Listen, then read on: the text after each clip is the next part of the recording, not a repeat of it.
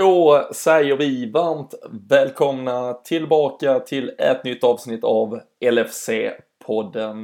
Det är såklart fortfarande högoktanig VM-feber som råder ehm, i Sverige och i hela världen. Klubblagsfotbollen är fortfarande lite i skymundan men eh, likt eh, förra veckan ska vi såklart gräva på botten av tunnan och eh, hitta samtalsämnena kring Liverpool och såklart också ta tempen på Liverpool-spelarnas insatser i världsmästerskapet borta i Ryssland. En dagsfärsk målskytt har vi bland annat att prata om. Vi eh, gör våra avsnitt i vanlig ordning tillsammans med LFC.nu. Det är ju där ni hittar den svenska officiella supporterklubben till Liverpool. Och eh, nu så här mellanläget, eh, det är snart dags att ta verkligen sikte och fart inför säsong 2018-2019. Så passar det ju kanonbra att i lugn och ro lära sig lite om det där medlemskapet. Eh, in, lusläs och eh, ta reda på fördelarna med det. Jag tror inte ni kommer tycka annat än att det är en no-brainer att bli medlem om ni går in och läser lite i alla fall. Så in på lfc.nu. Och eh, i dessa VM-tider så eh, bör ni självfallet också ha ett konto på redsbet.com. De erbjuder eh, under eh, säsong för Liverpools del alltid marknadens bästa odds på Liverpools spel och dessutom så ser de till att 50% av sitt nettoöverskott alltid går tillbaka till samhället, eh, föreningar som jobbar för ett bättre Liverpool som stad, supporterklubbar runt om i världen och så vidare. Så det är den självklara spelpartnern tycker jag för alla oss Liverpool-fans. Och som sagt nu i VM-tider så är det fullmatat eh, smörgåsbord med roliga odds, en del Liverpool-specialare. Redan nu kan ni spela på om en Liverpool-spelare gör mål i VM-finalen och mycket annat. Så tack till LFC.nu och Redspet som är med oss i vanlig ordning.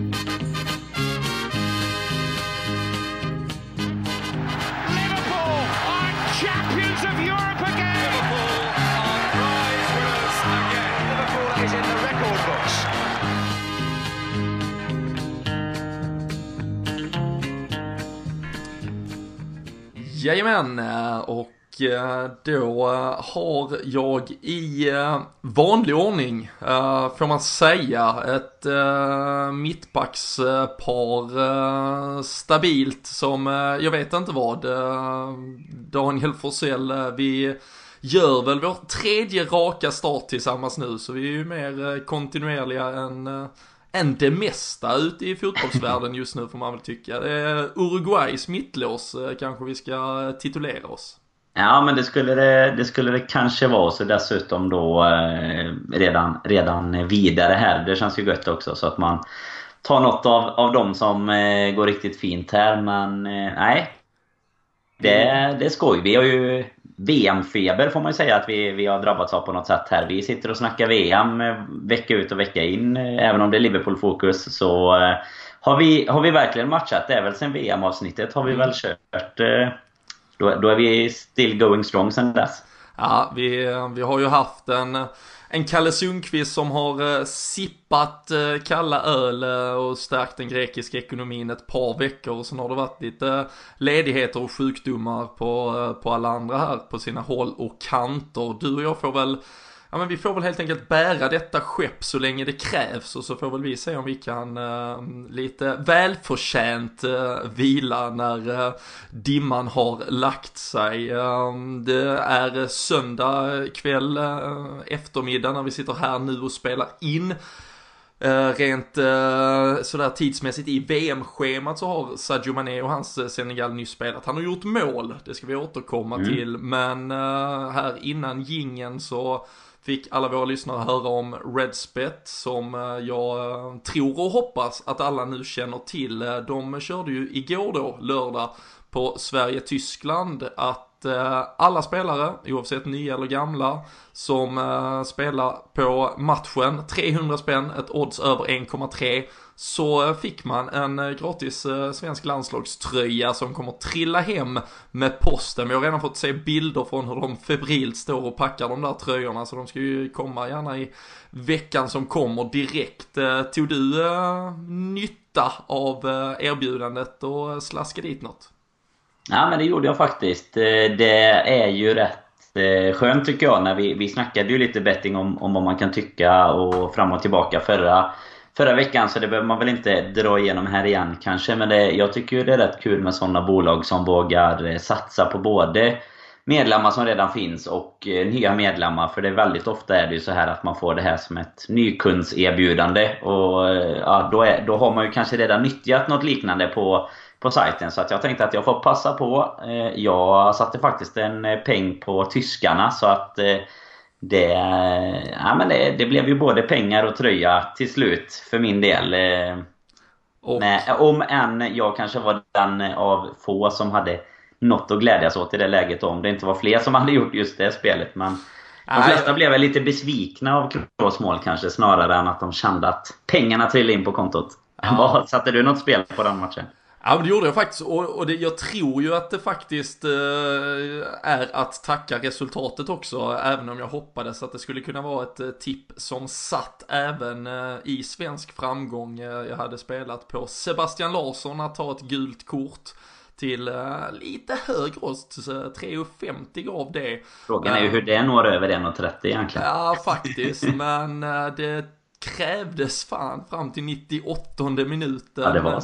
Han eh, tog det i frustration därefter eh, i första, eller enda då svenska försöket till ett eh, sista anfall vi hade och när vi sen tappade boll så rev han ner en tysk där så eh, nej det blev eh, lite bra klirr i kassan där faktiskt men eh, det var ju såklart med smolk i bägaren man lämnade den där Tysklandsmatchen som, eh, som Sveriges supporter. Men som du säger så eh, Redsbet, Redspet, äh, eh, jäkligt kul att de äh, inkluderar både nya och gamla spelare och nu så likt i första VM-omgången där alltså eh, som de körde här för en dryg vecka sedan så kommer de nu också inför tredje spelomgången som startar imorgon måndag köra en fantasy där man då tar ut spelare och sätter ihop sin elva och så är det då deras matcher i den här sista gruppspelsomgången som de plockar poäng i. Och eh, där kan man också vara med och eh, lägga beslag på delar av eh, potten och eh, är man snabb där så är det gratis att vara med dessutom så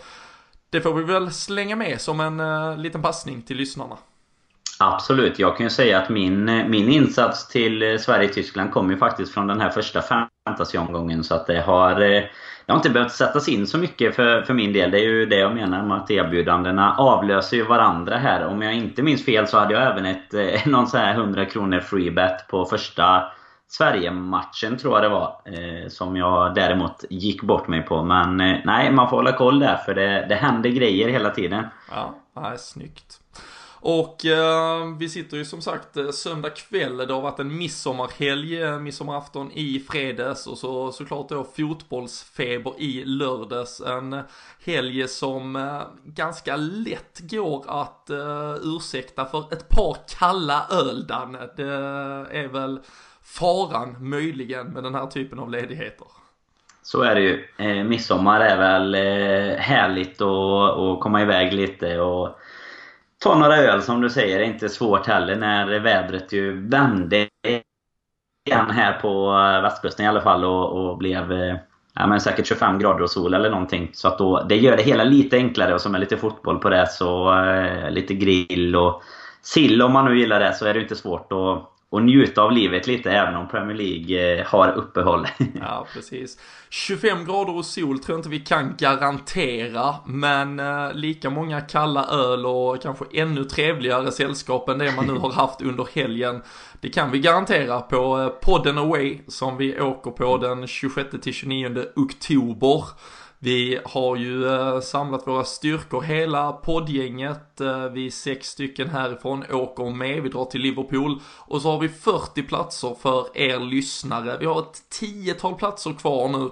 Eh, kom ett par anmälningar efter senaste avsnittet, vi hoppas att det trillar in några nu här. Skulle det vara att vi behöver skjuta till någon extra plats så kan vi säkert lösa det. Men har du lärt dig vad man får i paketet, Danne? Ja men det är ju, man skulle väl kunna säga allt man behöver förutom eh, flyget i och med att det är lite olika ställen som man kanske utgår ifrån så sett. Men det är ju tre nätters boende, det är matchbiljett, vi kommer käka gemensamt på eh, ja, men en, en riktigt bra restaurang kan vi ju säga utan att avslöja för mycket. Och sen kommer vi även styra upp lite pubträffar och ja, men lite ja, poddande live och ja, egentligen ett jäkligt skönt häng kan man väl säga att vi kommer styra ihop. Det är väl eh, en helg som man eh, ja, men förhoppningsvis kommer att, att minnas för resten av livet. Liksom. Det kommer bli riktigt skoj. Och, eh, nej, vi är jäkligt taggade och de 30 som anmält sig hittills, av de jag har snackat med, det är ju några som man har lite koll på på Twitter och, diverse sociala medier så verkar det som att eh, alla med, med den backningen så kommer det inte kunna bli dåligt helt enkelt. Äh, det känns som det är ett jävla 5 plus-gäng vi har eh, skrapat ihop än så länge och där är som sagt ett par platser kvar. Eh, som eh, Danne sa så bokar man sitt eget flyg, men väl på plats i Liverpool så har vi ordnat med hotell, så vi har tre nätters boende på centralt topphotell. Vi fixar matchbiljett till Liverpool Cardiff som spelas under helgen. Vi bjuder då på en middag, vi går ut och käkar på en topprestaurang, det är inkluderat i priset. Och sen så styr vi upp en massa träffar där vi kör massa gott snack, det blir lite livepodd. Och eh, jag har börjat surra nu med Sam Dodds eh, som alltid skickar med lite t-shirts i våra tävlingar här. De kommer absolut att slänga på lite härliga priser som vi tar med oss dit så att det nog kan lottas ut en och annan eh, jävligt schysst tröja och lite annat gött. Och 4790 spänn eh, så har ni hela paketetet och eh, som sagt eh, flyget kan vi hjälpa till att boka. Ni kanske vill veta hur vi flyger. Vi flyger lite blandat, lite Köpenhamn, lite Stockholm, lite mm. Göteborg och får man ju såklart gärna haka på redan från Flygplatsen, en, eh, en kall flygplats bärs, hör ju resan till också. Det löser vi såklart i så fall. Och eh, följ oss på våra sociala medier. Twitter funkar skitbra. Skicka ett, eh, så att säga ett DM där, ett privat meddelande om ni vill. Anmäla ert intresse och boka era platser. Eller släng iväg ett mail till robin bylund hotmail.com så eh, ser vi till att trycka ner er i båten helt enkelt och segla ut över havet och fixa tre poäng som eh, Daniel Forsell lovade redan förra veckan. Ja, men det kan jag lova. Men det där med solen med 25 grader, det, det har jag upplevt en gång tror jag i maj av alla resor man har åkt på. Så att slutet på oktober så kan jag garantera 11 grader och eh, ett litet regn. Egentligen ett litet sånt här dugg regn kommer det vara. Ja. Men det kommer bli jäkligt bra ändå. Det är alltid varma Atlantvindar. Det ska vi ja, så är det. Så, så är det. Mm. Någon som kanske inte riktigt känner brisen av varm Atlantsvind just nu är eh, Mohamed Salah. Tyvärr, eh, fotbollsmässigt så har han ju såklart en säsong i ryggen som har varit eh, ja, utan dess like egentligen varit där absolut upp i toppen med världens bästa fotbollsspelare. Vi eh, hann ju faktiskt summera Egyptens andra match, annars är det ju den här andra matchen för alla lagen vi ska snacka lite om här när vi pratar ur Liverpool-perspektiv i det här VM-mästerskapet. Men eh, Salah har fått känna på svidande kritik till viss del med all rätta, vi ska försöka reda ut turerna. Men han tilldelades alltså här ett, eh, ett medborgarskap i Tjetjenien där Egypten då har haft sin, sin bas under detta fotbolls-VM och det är ju inte helt jävla oproblematiskt att uh, ställa sig upp uh, och uh, acceptera den såklart utåt sett. Nej, verkligen inte. Det har ju varit svårt att hänga med i de här svängarna om man säger kring vad, vad som har hänt och inte hänt eller vad man ska säga. Men det är klart att det ser ju det ser ju inte bra ut om man säger så. Det som kommer ut i media. Eh, sen vad, vad som ligger bakom och sådär, det vågar man väl knappt spekulera i. Men det här plus ett tungt uttåg ur VM, det, det blir inte den säsongsavslutningen som, som man hade önskat honom efter den eh, eh, fantastiska säsongen som du säger som han hade i Liverpool egentligen då. Vi var ju inne på det redan förra veckan, då, då konstaterade vi liksom att Champions League-finalen med, med skadan och hur matchen ut utvecklades och sen då ett, ett Egypten som någonstans, åtminstone inte, kanske inte då i praktiken men rent teoretiskt och, och mentalt kändes utslaget ur det här mästerskapet när Salah väl var klar att spela i det. Och att redan där och då så var det verkligen ett liksom ja men lite liten blöt filt över den här fina säsongen och, och nu att han då behöver avsluta den med att dessutom få, få bära liksom massa skuld och kritik för sitt beteende utanför planen eh, gör ju verkligen inte sitt för att höja eh, stämningen och vi ska väl försöka, vi ska liksom inte bli politiska i detta, det är alldeles för svårt och komplext och det är inget vi egentligen som, som Liverpool-supportrar och som poddare på detta ämnet kan gå djupare i, men att, att Tjetjenien är en, en, en stat i sig som inte är välfungerande tror jag vi alla kan acceptera och konstatera. Eh, det är väldigt tydligt med att man liksom inte respekterar människors lika värde, man är liksom väldigt eh, ja, konservativt och direkt diskriminerande och hatiskt inställda till, till homosexualitet till exempel. Och då den tjetjenske ledaren Ramzan Kadyrov så, som egentligen styr liksom hela den tjetjenska staten med järnhand. Och Eh, det var ju kritik redan för ett par veckor sedan när Egypten då anlände till Tjetjenien och han någonstans liksom tog emot landslaget och Salah publicerade, eller det publicerades bilder på Salah och Kadyrov. Och såklart, när de nu syns igen här under mästerskapet på då en middag som tjetjenske, ja, ledningen höll för att liksom, ja, tacka Egypten för att de hade valt att befinna sig i deras hos dem under det här mästerskapet så, så belönades då även Salah med ett, liksom ett medborgarskap. Vilket där och då såklart, tittar man på det i sak så förstår jag helt och fullt att det blåsas upp en storm kring det och liksom varför tackar han ens ja till detta och allt möjligt. Men sen, alltså sen plötsligt ganska snabbt så blir det ju så otroligt många fler frågor att varför skulle de bara ge det här hedersmedborgarskapet till Salah?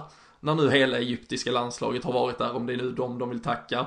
Och Salah som sagt, han har ju haft en ja, han har ju inte haft en, en vettig turnering överhuvudtaget så baserat på liksom sin plats i i laget och i, i vad, vad de åstadkom för Tjetjenien. Om de nu vill se det som att Egypten var deras representanter i detta mästerskap så, så finns det ju inget som särskiljer honom från övriga truppen. Och det är väl här egentligen, och vi har ju sett också på sociala medier att Mohamed Salahs agent har varit ute och liksom skrivit ganska kryptiskt med att liksom bara, alltså låt det här, för, ge det tid, bedöm inget än, låt det liksom avvakta. Och vi har ju nu nåtts av uppgifter under dagen idag här att Salah nu faktiskt överväger att lämna landslaget helt och hållet. Han vill inte ha med landslaget att göra för att han känner att han har blivit liksom utnyttjad i en, ja men i direkt politiskt spel och en maktkamp och det finns ju bra mycket bättre källor än, än oss och svenska medier och sen är det inget man ska lita på med, blind, liksom, med blinda ögon helt och hållet. Det är otroligt komplext och det finns inget rätt eller fel eller facit än så länge i vad som har hänt. Men det som jag tror vi ska ha med oss, eh, man har sett eh, Noah Bachner och andra svenska journalister som skriver om att men, oavsett all bakgrund så har Sala sin fria vilja att luta sig mot och, och där tycker jag någonstans att vi gör det lite för enkelt för ja, hade det varit Micke Lustig så hade han haft sin fria svenska vilja att göra det ena eller det andra för det är så Sverige fungerar, det är så Sverige är uppbyggt. Tyvärr fungerar inte Egypten och en del andra länder på det sättet. Egyptens FA styrs egentligen direkt från politiskt håll, från regeringshåll. Och man har tidigare när Salah inte har velat ställa upp i en del reklamkampanjer som är då sponsrade från regeringshåll, ja då har man använt ett hot om att han till exempel måste då göra sin militärtjänstgöring på tre år som han har blivit befriad från sen tidigare, som man kan bli på grund av exceptionell talang inom något som Salah såklart besitter. Men det finns liksom så otroligt mycket komplexitet runt det. Så liksom att bedöma situationen än och när det nu flaggas för att han faktiskt vill lämna landslaget helt och hållet så tror jag att han tyvärr har blivit inknuffad i det här hörnet och sen bedömer inte jag om han kunde ha gjort mer, borde ha gjort mer, borde öppnat sig mer kring det. För jag tror inte vi känner till hälften ens av hur det där fungerar från högsta instans.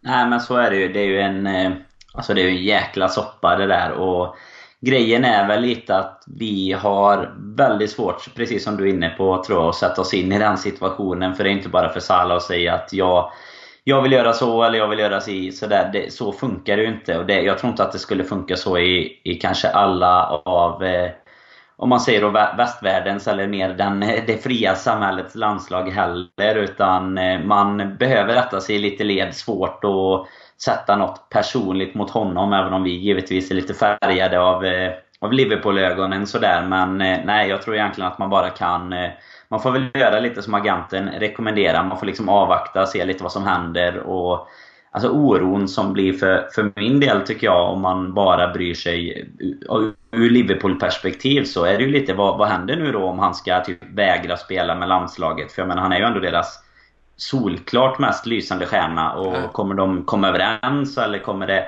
kommer det bli så att han på något sätt blir liksom... Eh, ja men det här med militärtjänstgöring. Det är väldigt många länder som som har den typen som inte har det lika, lika fritt som vi har det här om man säger så. Jag det är inte som när en annan mönstrade och åkte upp och sa att man inte gillade att sova i tält och så fick man åka hem. Nej, eller att man ville, att man ville göra något annat. Typ. Det, det var ungefär det som räckte. Men jag vet att eh, det var väl i eh, Sydkorea tror jag väl har varit något exempel ur Premier League-synpunkt med. Jag kommer inte ihåg om det var sån faktiskt som, eh, som också hade samma grej. Att man ska ha gjort det två år innan man är 30 eller någonting. Så att eh, det finns ju mycket sådana bitar som är väldigt lätt att bortse ifrån och, och utse sig själv till någon sorts expert som säger att Nej men Salah är ju fel. Han står ju här med en, med en person som inte som inte står för människors lika värde. Och eh, alltså sett till vad man får se av Mohamed Salah utanför plan i vanliga fall och liksom vad Liverpool betyder och vad Egypten betyder och vad Roma betydde och så vidare. Alltså det känns ju inte som en kille som står och, och klankar ner på, på kvinnor eller homosexuella eller vad det än må vara liksom. Utan det känns väl lite som att det är någon sorts bricka i ett spel. För det är också hela den här historien med att Egypten ens hamnade i Tjetjenien på,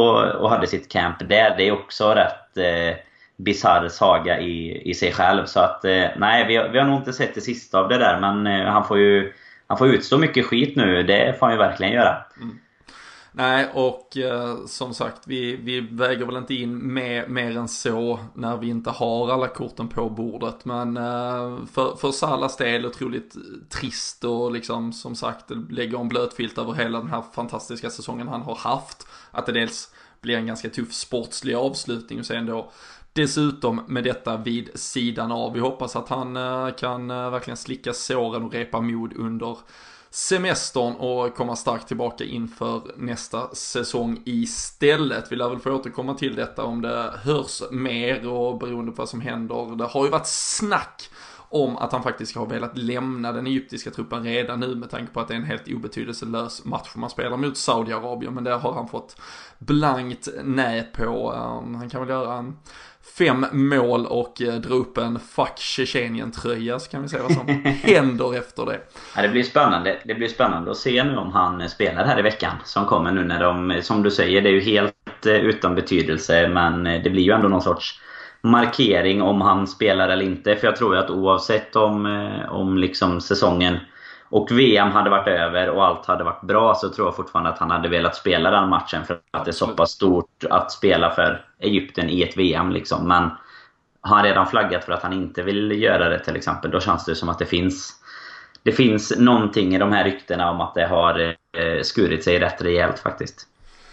Absolut, vi eh, får se som sagt eh, avslutande gruppspelsmatcherna drar igång imorgon måndag, kanske redan i takt med ungefär att ni lyssnar på detta så då sitter ni kanske med svaren. Eh, men vi får se och det är ju sannoliken just den gruppen är ju avgjord vilka två lag som går vidare men annars har vi verkligen ett par nervkittlande avgöranden kvar och nu har vi blivit långdragna på ett och samma ämne så vi får väl beta av annars den här hur det har gått för Liverpool-spelarna i den andra gruppspelsomgången och deras landslags respektive framfart. Vi hade ju framförallt och den största knallen och ja, en spelare som nu bara växer och växer. Dejan Lovren återigen mm. i mittlåset för ett Kroatien som denna gången tvålade dit Argentina med eh, hela 3-0 och eh, säkrade sin plats i slutspelet och eh, går ifrån klarhet till klarhet, både Dejan Lovren och eh, Kroatien som lag såklart. Ja, det ser ju riktigt bra ut. Det är väl egentligen det laget som eh, kanske imponerat mest egentligen tycker jag. Även om första matchen mot Nigeria var, var mer, eh, kändes mer som att Nigeria underpresterade kontra att Kroatien var otroligt bra. Men eh, absolut inga problem. De dammade av den matchen ganska enkelt. Och så fortsätter de på samma sätt mot ett lite bättre motstånd då, även om eh, givetvis Argentina fick eh, mycket kritik för eh, eller Argentinas förbundskapten framförallt De fick mycket kritik för laguttagningen och det var ju mycket prat om att Argentina ju egentligen kanske inte haft ett eh, sämre lag på pappret i alla fall på väldigt många år men det är fortfarande Leo Messi och eh, nu har, han, nu har Lovren hållit både Messi och Ronaldo tyst här. Så att eh, nej, det det blir mittlås nästa säsong också för Dejan Lovren i Liverpool om, om de fortsätter så här. Men Kroatien, det... Jag kommer inte ihåg om vi hade dem som bubblade. Det tror jag inte att någon av oss hade. Vi, vi hade dem väl vidare från gruppen. Vidare, men, ja. Ja. Och det är ju lite i, i liksom avsaknad av eh, större konkurrens i gruppen om man säger eh, så sett. Förutom kanske Argentina, vad vi trodde då. Men de imponerar ju. De, eh, de kan ta sig riktigt långt om de fortsätter så här.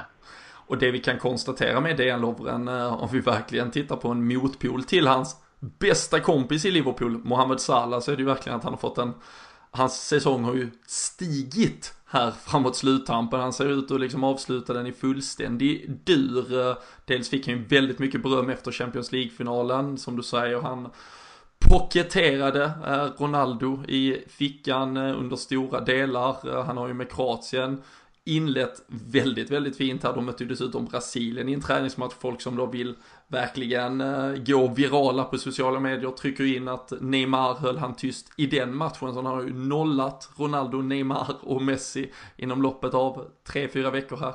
Och eh, generellt att just hela Kroatien ser jävligt sammansvetsat eh, lagstarkt ut eh, och eh, kan bli, kan nog bli en riktigt farlig, eh, om än eh, får man väl ändå säga, bubblare liksom i, i sammanhanget. Det eh, blir spännande att se var det här kan sluta och så får vi se om Argentina ens följer med. Nu gör ju rykten gällande att Sampaoli där inte ens ska få riktigt bestämma någonting inför sista matchen mot Nigeria utan att spelarna själv tar ut laget. Det känns otroligt argentinskt och härligt någonstans ändå, men uh, man kände ju själv med den otroligt enkla fotbollskunskap man besitter att deras bänk senast hade nog slagit deras startelva, så uh, mm. Ja, uh, ett par märkliga beslut. I en sydamerikansk granne, Brasilien, så har ju vi verkligen lyft Roberto Firmino som spelaren som kanske inte är den som ska göra skillnaden rent individuellt men som kanske faktiskt ska göra skillnader rent som ett nav och en del i en motor som måste komma igång på allvar. Vi pratade senast om att han initialt nu lär få sina halvtimmar, 20 minuters inhopp, men att han bör kunna byggas in i en startelva. Han lär inte ha tagit sig längre ifrån ett sånt scenario efter just ett sånt här 20-25 minuters inhopp mot Costa Rica. Det såg tungt ut, det var 0-0. Men eh, där är han ju direkt avgörande, vinner nickduellen ner till gamla kompisen Coutinho som trycker in 1-0 i, eh, ja, runt 90 minuten.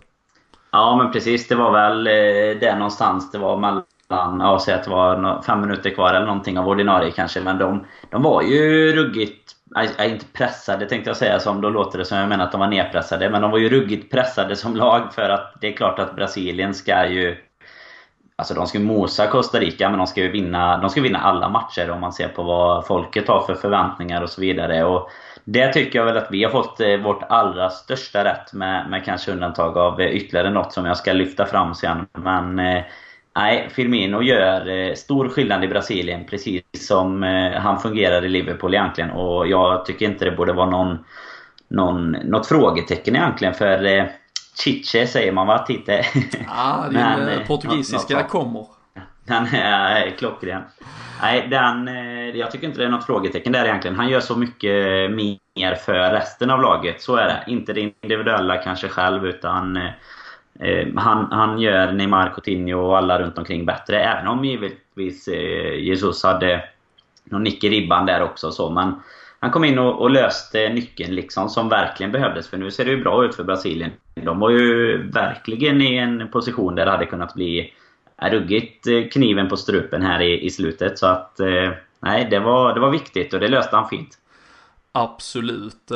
Det är ju en, ett getingbo där, Costa Rica av, avskuret i nuläget. Men Brasilien toppar på målskillnad men 4 poäng Schweiz också 4 poäng Serbien 3 poäng. Eh, man kan väl då tro, det är i alla fall lite förarsätet för Schweiz som har Costa Rica i sista. Vinner de den är de ju klara. Och eh, sen så klarar ju sig Brasilien på ett kryss då mot Serbien med Marko Grujic fast förankrad på bänken.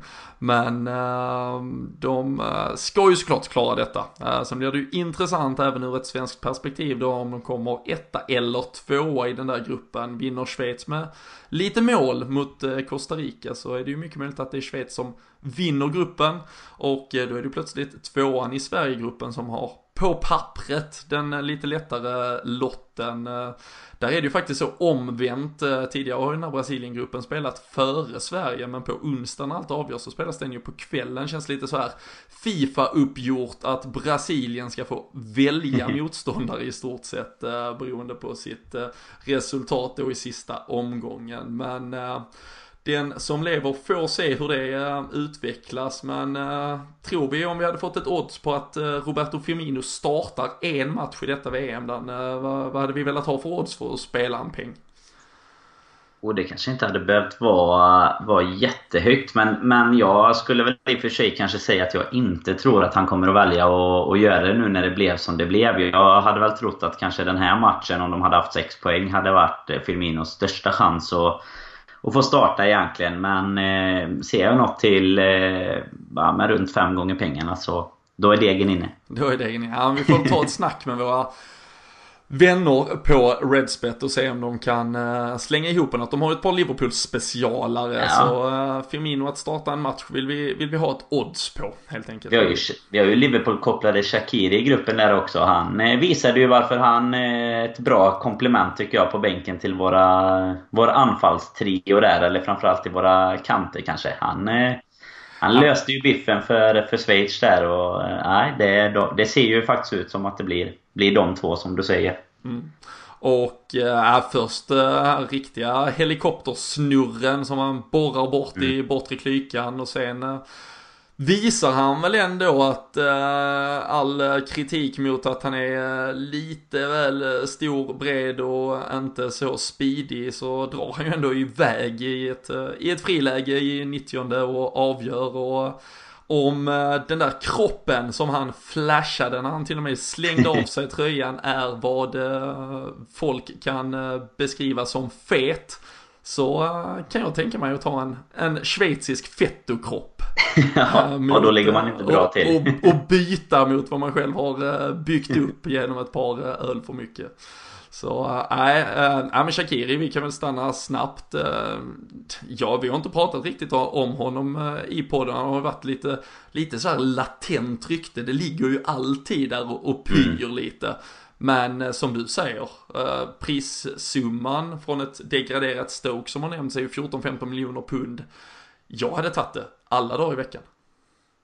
Ja, det är inget snack för mig heller. Det, jag vet att vi nämnde det i något, något avsnitt tror jag, eller om det var till och med innan när det började sippra ut. Men eh, då nämnde jag det med att han, han är ju ingen startspelare, kanske givetvis då, men det förbättrar ju våran trupp oerhört. Jag jämförde lite med Oxlade-värvningen egentligen. Att mm. eh, han skulle kunna, i bra form, kunna gå in och ta en startplats. Men när man värvar honom så är han initialt en, eh, en liksom spelare som är väldigt nära elvan, men kanske inte riktigt är. Men det hade ju mycket hellre sett honom än, än många av de andra som vi har på bänken faktiskt. Så dessutom som du säger, degraderat Stoke, då blir det ju lite enklare att få loss eh, en sån spelare också för en lite mer eh, okej okay summa. För annars är det klart att spelar de Premier League så finns det en helt annan ekonomi och eh, ja, egentligen ett incitament för honom att kanske inte röra på sig. Men, men han lär ju inte stanna i Stoke i Championship i alla fall.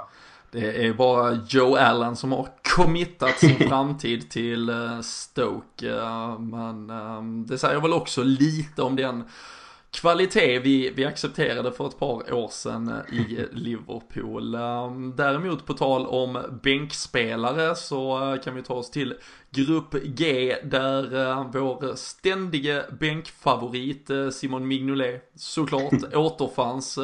Där han numera hör hemma i både lands och klubblagssammanhang eh, på bänken när Belgien vann med 5-2 mot Tunisien och eh, här har vi ju nu efter Englands match idag fått eh, ett fullständigt exceptionellt utgångsläge faktiskt måste vi ju stanna vid. Vi ska prata lite Jordan Henderson också.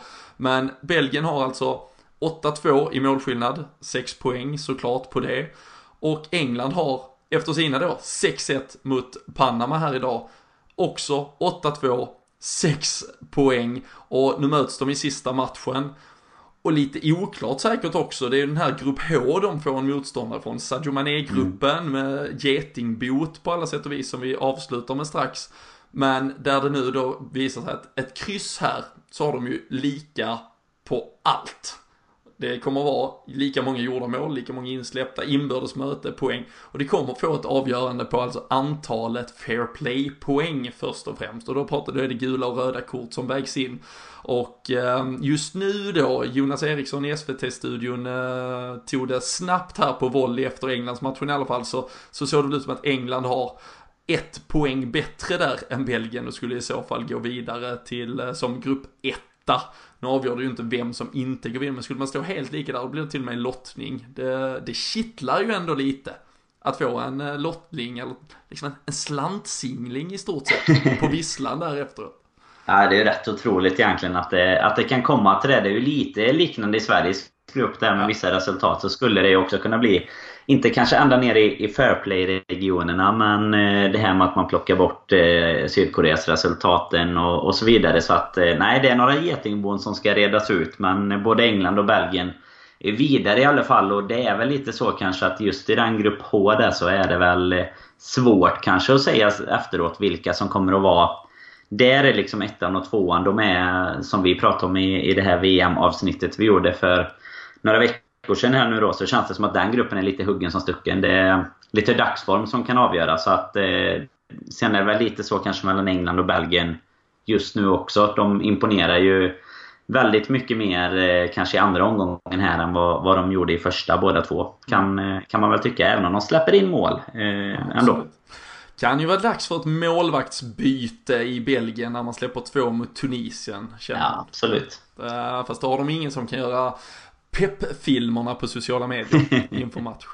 Men uh, nej, och uh, det jag egentligen tar med mig från Panama-matchen som jag tyckte var väldigt trist då från, uh, om, man, om man får hitta något trist i Englands tennisseger där 6-1, det var ju att man faktiskt bytte ut Trippier.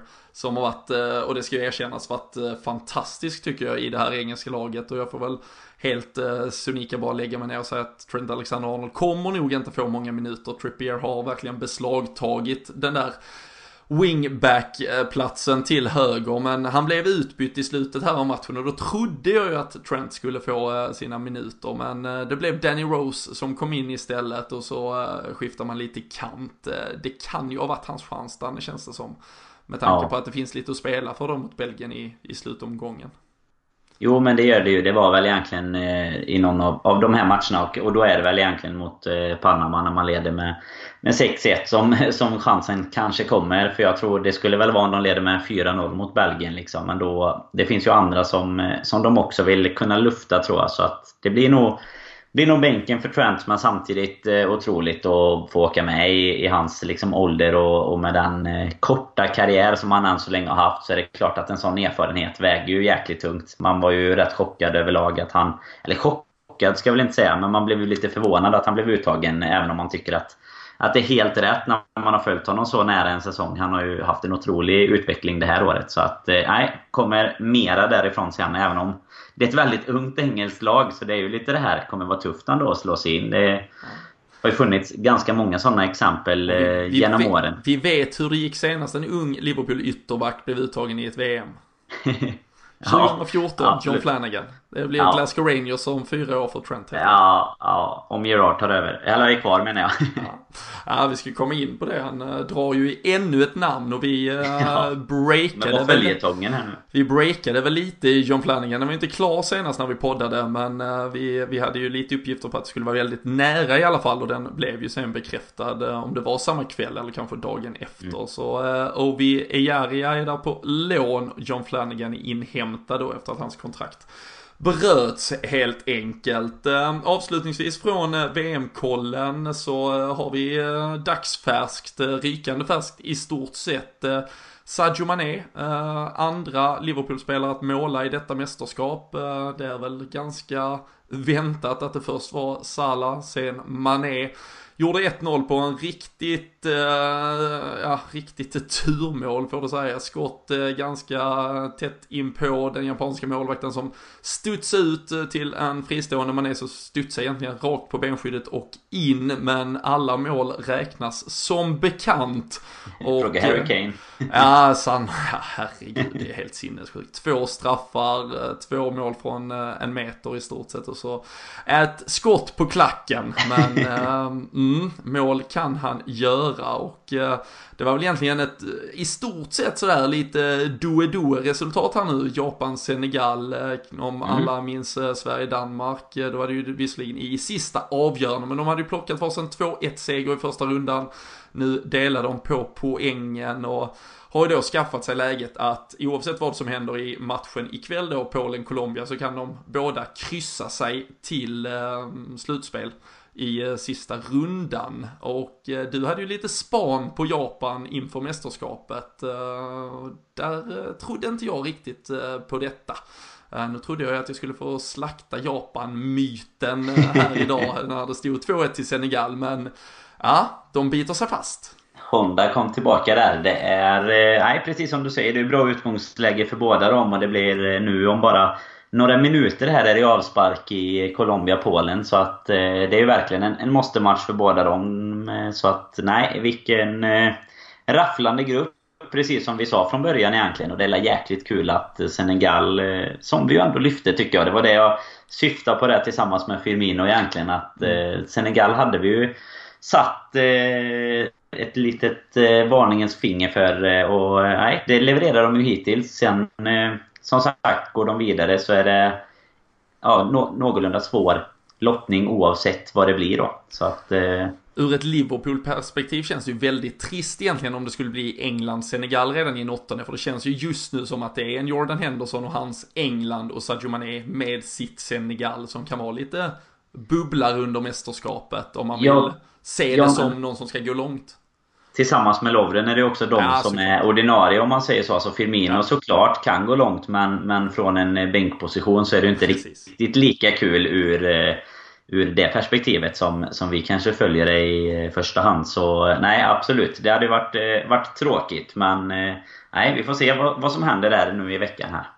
Absolut. Eh, vi, eh, vi fortsätter hålla ett öga på VM-ställningarna och eh, framförallt då såklart Liverpool-spelarnas insats och summerar såklart även när gruppspelet är över här i slutet av denna veckan. Men på Liverpool-fronten där så blåser det ju lite snålare. Det händer inte lika mycket. Det fylls inte de här spaltmeterna som annars hör silly season till i dessa tider. Men eh, vi pratade lite Glasgow Rangers, eh, lite Steven Gerrard som håller på att tömma eh, gamla akademiförrådet eh, från Liverpool i stort sett. Och nu är det Ben Woodburn, han ryktas vara intresserad över eh, att eh, hämta in på en säsong. Och eh, alltså, det, det, det, blir ju nästan lite, jag vet inte var gränsen kommer gå till man börjar känna så här, okej okay, vad är grejen här? Liksom man plockar hela ledarstaben från Liverpool, plockas kanske en tredje, en fjärde spelare från organisationen. Lite väl mycket liksom, liksom frågan är, betalar egentligen Glasgow Rangers mest? Är det bäst sportsligt? Mm. Eh, är det bara positivt att ja, Steven Gerrard plötsligt är någon ambassadör som kan erbjuda ja, skotsk proffsfotboll för våra unga lovande talanger. Jag har ju lite dålig koll på egentligen hur skotska ligan står sig. Det är ju alltid så, man ser ju bara Celtic. Eh, alltså den, den har ju gått ner ganska mycket, tror jag, sedan vi hade svensk-Henke där liksom. Och det, är hade... nog, det är nog ingen underdrift att säga att den Nej. ner sig. Nej, men man hade ju ögat på, på skotska ligan då när Henke Larsson var där såklart. Då var ju Celtic Rangers också ett, ett riktigt sånt här Alltså ett av Europas hetaste möten. Som, som kanske är det på liksom pappret och publikmässigt nu, men fotbollsmässigt är det ju... Ja, 5-0 var det väl sist med, med Brendan Rodgers där eh, när han segrar. Så det är väl den duellen mellan han och, och gamla lärjungen Gerard då som kan bli spännande. Men annars har man ju mest sett de skotska lagen i, i liksom kval till Europa League mot svenska, allsvenska lag nu. Så att eh, klart, den har väl tappat en del och jag tycker väl i mångt och mycket att det kan vara positivt för eh, alltså typ Woodburn, Jarja, den typen av spelare att få A-lagserfarenhet. Men sen måste de ju få det också i så fall och inte sätta sig på en bänk i Rangers eller någonting. Då tror jag att man eh, har, har bättre utveckling i Championship eller till och med inom klubben faktiskt. Jag tror inte alltid att det här med utlån är en given succé. Det, det ser kanske ut så för att man får erfarenhet och sådär men inom organisationen så, så kan du spela U23 och du kan ju dessutom då ha en, en helt annat upplägg på träning och sådär. Men det, det, är väl klart att Gerard har väl med sig har väl med sig det mesta från Melwood skulle man väl kunna tänka sig när han kommer till Rangers. Det, LA Galaxy-åren vet jag inte om de gav så mycket i, i hans, för hans tränargärning riktigt. Nej, vi får, väl, vi får väl hoppas att så inte är fallet kanske. Nej, men det är som du säger, vi, har, vi hade ju, om man tar en Ovi Ejaria som nu, nu går dit på, på ett säsongslag. Han var ju i Championship förra säsongen i Sunderland. Visserligen ett väldigt dåligt Sunderland som till slut också åkte ur. Men Championship skulle jag nog säga åtminstone ja, 70-80% av den ligan håller högre kvalitet än, mm än vad den skotska ligan gör med, med då Celtic någonstans som något eh, eget undantag och eh, spelare som förväntas ta nästa steg om man då tar en Ejaria men också en Woodburn som man tror så mycket på. Går de till Glasgow så ska det ju vara för att spela ordinarie vecka in vecka ut i stort sett för annars är det dels Dels kommer de inte ut men dels det är också Visserligen, eller kanske då bara ett väldigt negativt och tråkigt konstaterande och kvitto på att de inte har vad som krävs. Nu ska vi inte döma ut en 18-åring i form av Ben Woodburn, men eh, självklart så vill man i alla fall liksom bygga på den hypen av att han är the next big thing, Eh, vilket vi verkligen får vänta och se om han är, så, så krävs det att han får speltid var han än går. Och det är ju som alltid med spelare i den positionen, vi pratade om Ryan Brewster förra veckan, han är ändå en anfallare, liksom en, ja men en rivig liksom, något du kan slänga in sista sju minuterna i vilken form av match som helst. Det kan ju i stort sett vara mot Manchester United, för han är liksom en, mm. en någon som ska upp och bara attackera, hugga, riva. Medan en Ben Woodburn som, som ska spela liksom i en, i en mittfältsroll, liksom, han ska ju ha boll, han ska ju vara en tydlig del av spelet han kan man ju inte bara slussa in i ett A-lag sådär, ja men vi, vi kör ett par matcher här eller vi hoppar in i, i sju minuter. Det, det kommer, så kommer aldrig bli, utan han måste ju hitta en mellanstation antagligen där han visar, jag är på riktigt. Och skulle han gå till Glasgow Rangers nu, om, om det ska vara att han visar att det är på riktigt, då ska han ju vara superstjärna där. Tänker jag i alla fall, för att det ska vara på gång att bli någonting. Så um, vi får väl se vad som händer. Det är ju intressant uh, hela upplägget kring att uh, Glasgow Rangers börjar bli någon form av farmarklubb, uh, får ja. vi väl uh, kalla det i stort sett. Och vi får se hur det utvecklas och vad det faktiskt ger helt enkelt. på tal om Gerard så var han ju ute idag också faktiskt och sa att han ångrar att han eh, slutade när han slutade, att han inte gav det kanske ett år till. Uh, jag vet inte, det är ju, det här är ganska färsk eh, intervju, intervju jag, hur känner du kring det? Att vi satt ju på Anfield och såg hans sista hemmamatch i alla fall, det blev ju bara hans näst sista match efter debaclet mot Stoke i sista omgången, men jag tror som supporter så kände man väl ändå någonstans att det var dags när det var dags.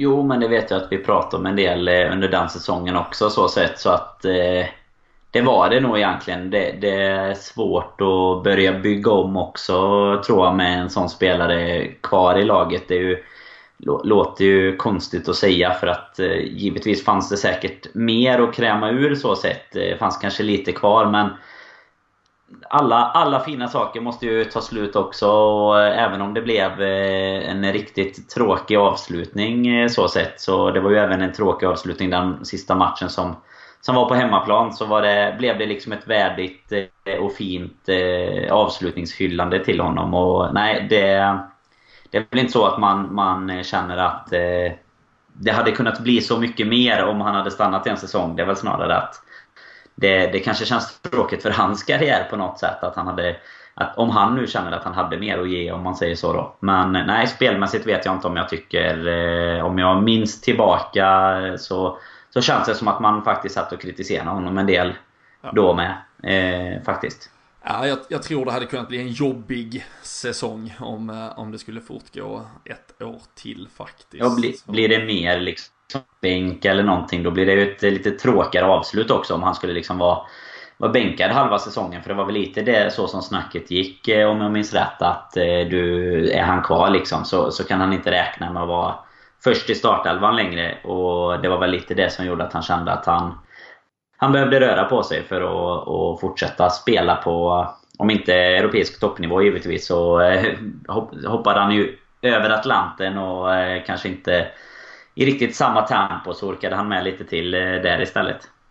Absolut. Med Ishizaki på kanten. Ja, precis. Ett jävla, jävla drömlag i Galaxy. Nej, eh, som sagt, eh, det händer inte jättemycket på Liverpool-fronten, men eh, det vi kan konstatera och som såklart är väldigt glädjande och, och något som har fallit lite i glömska såklart, det är ju att Nabi Keita köpt redan förra sommaren nu officiellt eh, först från den eh, första juli är Liverpool-spelare men han har landat i Liverpool Danne och eh, redo att ta sig an eh, detta uppdrag att nu omformera mittfältet eh, på Anfield. Eh, det, det är väl lite så egentligen att i ja, ett fönster som då gav oss Fabinho tidigt och som sen bara känns som att det har varit ett Nabil Fekir misslyckande så har det nästan fallit lite i glömska hur, hur jävla bra det är att vi har värvat honom sedan en, ett år tillbaka. Ja men verkligen. Det har ju synts mycket på, på Twitter framförallt nu bilder på när han är i i Liverpool. Eh, det var väl från igår egentligen tror jag det började. Och eh, klart både Fabinho och Keita klara så eh, kanske det inte gör så jäkla mycket att det är lite lugnare nu under VM. För det finns lite tid kvar sen också men vi har väl gjort Ja, och utan att, ha eh, exakt koll på alla andra så känns det väl som att vi sitter i förarsätet i, eh, i Premier League. Eh, så sett än så länge i alla fall. Och vi har väl några få positioner till som vi kanske känner att man behöver förstärka och sen med någon Shakiri eller något sånt lite bredd på det. Så jag tror att det kan bli riktigt bra ändå även om VM ligger lite i, i vägen för alla rykten och så här. Ja, det är ju det är ganska intressant sommar på så sätt att VM ligger och, och trummar ju på fram till den ja, 15 juli är väl finalen, eh, sen är spelarna berättigade till, jag tror det är minst tre veckors semester och så stänger ju transferfönstret redan den 9 augusti eftersom det ska vara klappat och klart inför säsongstart just för Premier League-klubbarna. Så, så det kommer ju vara intressant att se hur, hur klubbar agerar här om vi börjar se något eh, som liksom verkligen rasslar direkt nu eh, första halvan av lag åker ut efter gruppspelet eh, eller om det kanske blir en lite så här mellansommar. Det, det kommer ju krävas den klassiska att eh, någon stor affär eh, faller för att det sen ska liksom mm. trumma på med dominobrickorna därefter. Det är ju så det sägs i målvaktscirkusen till exempel. Uh, på tal om det måste jag ju säga, skulle det vara så att Real Madrid är en av klubbarna som gör en av jättevärvningarna på målvaktsfronten så hade jag ju inte bangat att ta Keylor Navas i uh, tre säsonger eller någonting. Han är ju fenomenal och uh, han visade i hela Champions League-äventyret som till slut mm. ledde till en seger mot oss och har ju visat det verkligen här två inledande matcherna i VM med Costa Rica känns eh, kompatibel med ett Liverpool-rykte eh, om ett par veckor. Så den, eh, den lär komma så kan vi återkomma till det då helt enkelt. Ehm, vi ska eh, knyta säcken här och eh, det sista vi vill nämna och där vi verkligen vill skicka med power och massa omtanke är ju till gamla Liverpool-vänsterbacken José Enrique. Eh, är han mest välkänd för sin långboll till Suarez mål mot Newcastle? Ja, det måste jag väl säga. Det är väl det som man eh, får upp först på näthinnan. Eh, absolut. Sen eh, även iklädd en grå målvaktströja om jag minns rätt på färgen. Så Också mot Newcastle tror jag. Ja, det, var det Och han kom också. från Newcastle. Fan. Ja, ja han, känns, han känns Newcastle-kompatibel. Ja, ja, Helt igenom. Nej, men det är verkligen det är tråkiga, tråkiga nyheter som han själv har lämnat ut om man säger varför han har... Eh, han är ju annars ganska aktiv i, i sociala medier och så men han... Det sipprar ju ut här nu att han eh, har varit eh, borta ett tag för han har ju opererats för en hjärntumör och det är ju mm. är fruktansvärt liksom. Man, man, han skriver ju det själv och man förstår ju själv liksom att hur, hur jäkla skört det kan vara. Eh, det går, går, fort så att eh, han hälsar väl egentligen att han, han nu eh, att det känns bra och att han, han hälsar att alla ska ta hand om sina nära och kära och det är väl ett medskick som vi, vi får skicka med också för det, sånt här är ju... Eh, det drabbar ju otroligt många liksom hela tiden men eh, det blir lite sådär eh, sådana man, man följer mycket och sådär blir det lite mer verkligt nästan om det inte är någon i ens egen direkta närhet så. Ja, nej, verkligen. Det, han uh, har som sagt börjat uh, genomgå behandlingen, har opererats, men uh, det fortsätter ju såklart med otroligt mycket strålbehandlingar och en, en lång väg att vandra är det. Han ska ju veta som Liverpool-spelare, men också bara som medmänniska att han inte vandrar ensam i den fighten och som sagt vi sänder kärlek och omtanke till honom och eh, så tycker jag fan ta mig även att vi passar på som eh, såklart egentligen inte direkt inblandad eh, podd eller medie som ska säga något kring detta att vi skickar fan en stor jävla kram till Jimmy Domas också och eh, ett, eh, ett finger till alla idioter som eh, inte riktigt hanterar hur man beter sig i sociala medier och annat. Uh, vi uh, är eh, de första att erkänna att vi kan spy galla och vara besvikna över spelarinsatser men låt det för fan stanna där och inte gå överstyr. Uh, som sagt, det finns saker i livet som är viktigare helt enkelt. Men med de orden, lite djupt av LFC-podden för en gångs skull där Så, Nej men verkligen, det är ju, jag kan bara instämma med det du säger. Vi har ju haft spelare med, med Liverpool-koppling. Om man tar Dejan Lovren till exempel då, mm. som har liksom fått ta bort eh, sociala medier och sånt. Och det var väl det som, som Durmas nästan hade behövt eh, också. Och det som du säger att man att man kritiserar spelarinsatser, det är ju en sak. Det, det gör vi. Det är ju det vi sitter här och gör, tänkte jag säga, nästan varje, varje vecka. Men det är väldigt stor skillnad mot att börja ja, men, men snacka liksom ursprung och familj och alltså hela den biten. Det är ju bara... Det är sinnessjukt det är jag tycker att vi avslutar med de orden och eh, så hörs vi snart igen.